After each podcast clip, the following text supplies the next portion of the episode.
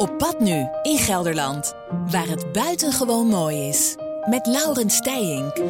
En elke zondagmorgen gaan we op pad met een natuurdeskundige, welke dan ook. En onze verslaggever natuurlijk, Laurens Stijink. Ehm, ja, meestal uh, wandelt u in gedachten met ons mee. Maar vanmorgen kan dat uh, daadwerkelijk. We zijn op pad uh, op zoek naar flamingo's met een groep wandelaars. Oh, goedemorgen. Even kijken, waar zit je, Laurens? Hier, hè? Goedemorgen. Ik ben hier. Goedemorgen, ja, Daan. Ja. Was je me even kwijt? Nou, ik, ik heb je weer, ja. Ja, ja. Heel goed. Ja, het is een uh, bijzondere ochtend oh, weer, uh, kan ik vertellen. Ja, twee uurtjes geleden hadden we nog de zon uh, die, die opkwam. Prachtig gezicht. Inmiddels hebben we de eerste sneeuw ook achter de kiezen. Oh. Is het wandelpad wit uitgeslagen. Maar de flamingo's die zijn nog net zo roze als aan het begin van de ochtend.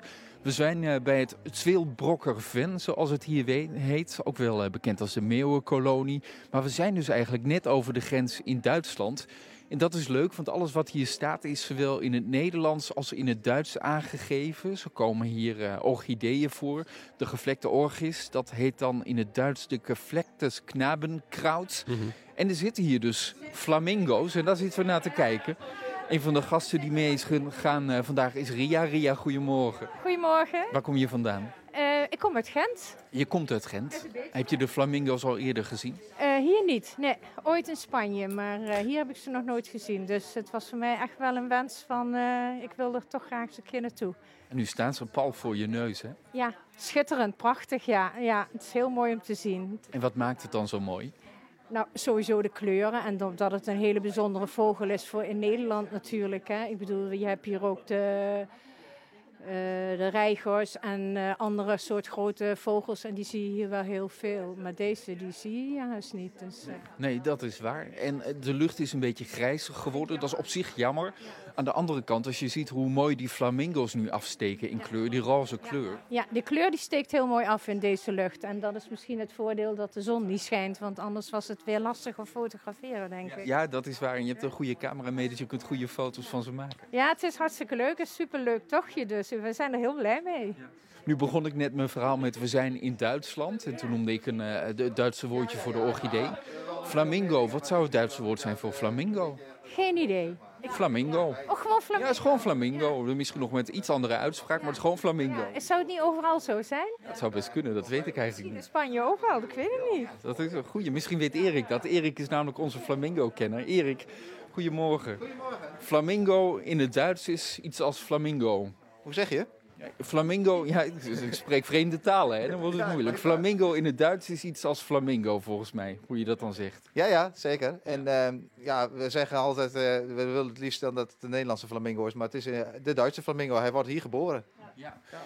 Ria vraagt net terecht, hoe zullen ze de flamingo in Spanje noemen? Weet je dat toevallig ook, het Spaanse woord voor flamingo? We vragen ons namelijk af, is het overal hetzelfde? Dat denk ik even op, uh, op mijn Instagram kijken, want ik heb daar net een mooi verhaaltje over geschreven, over waar uh, uh, die, die benaming flamingo ook mee geassocieerd is. Dus ik raad iedereen aan om even op Otco onder Instagram te kijken, daar staat het beschreven inderdaad. Ja, nee, heel tactisch, ja. dat je even die, die, die link doorgeeft. Roze flamingo's, die komen aan hun kleur door wat ze eten, geloof ik. Uh, ja, carotene is het uh, systeem wat zeg maar, uh, ervoor zorgt dat ze de kleuren die ze in zichzelf hebben, de natuur-eigen kleur, dat die door de veren en de, de, en de aderen weer schijnt. En dat ontstaat door het eten van zaken waar carotene in zit. En door het begin van het stadium dat ze door de ouders met de flamingo-melk gevoerd worden. Die stimuleert uiteindelijk dus het roze worden. Flamingo-melk. Flamingo-melk. Als je dat toch zouden kunnen kopen in de supermarkt? Ja, misschien is dat wel wat. Maar het is uh, vanuit de krop dat de ouders dat aanbrengen uh, bij, de, bij, de, bij de jongen. En dan staan ze in bek en bek als magneetjes aan elkaar. En wordt het overdracht van het caroteen van de ouder naar de jongen. Nu denk ik altijd dat het gebeurt door granaaltjes die ze dan eten. Je noemt al de, de kleur van het voedsel. Dus dan denk ik aan granaaltjes. Maar hier zitten denk ik geen granalen, toch? Nee, het werkt, ja, misschien wel granaaltjes, maar het werkt niet zoals met bietjes dat je van bietjes uh, inderdaad rood gaat plassen. maar het is als, uh, als uh, wat er in het materiaal zeg maar, zit. En dat kan ook van alles zijn, van algjes tot alles wat zeg ik altijd kleiner is dan 6 mm en gefilterd wordt. Dat dat ervoor zorgt uiteindelijk dat ze die kleur kunnen gaan krijgen. Ja.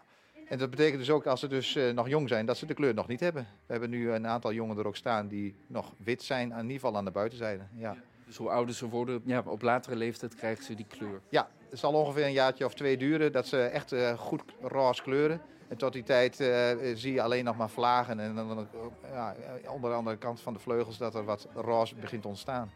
Nu krijg je vaker vragen over flamingo's. Wat is de meest gestelde vraag? Nou, niet misschien de vraag, meer de suggestie dat ze dus tropisch zijn. En dat zijn ze dus niet. Dat hebben we vanmorgen hier zelf allemaal kunnen aanschouwen met een beetje sneeuw erbij. Dat ze geen last hebben van de kou. En dat het uh, geen tropische vogels in die zin is dat hij heeft geen hoge temperatuur nodig. Hij gaat ook dus naar Nederland om te overwinteren. Nou, dat zou ik als tropische vogel dan niet kiezen als ik een tropische vogel was. Het is dus geen tropische vogel.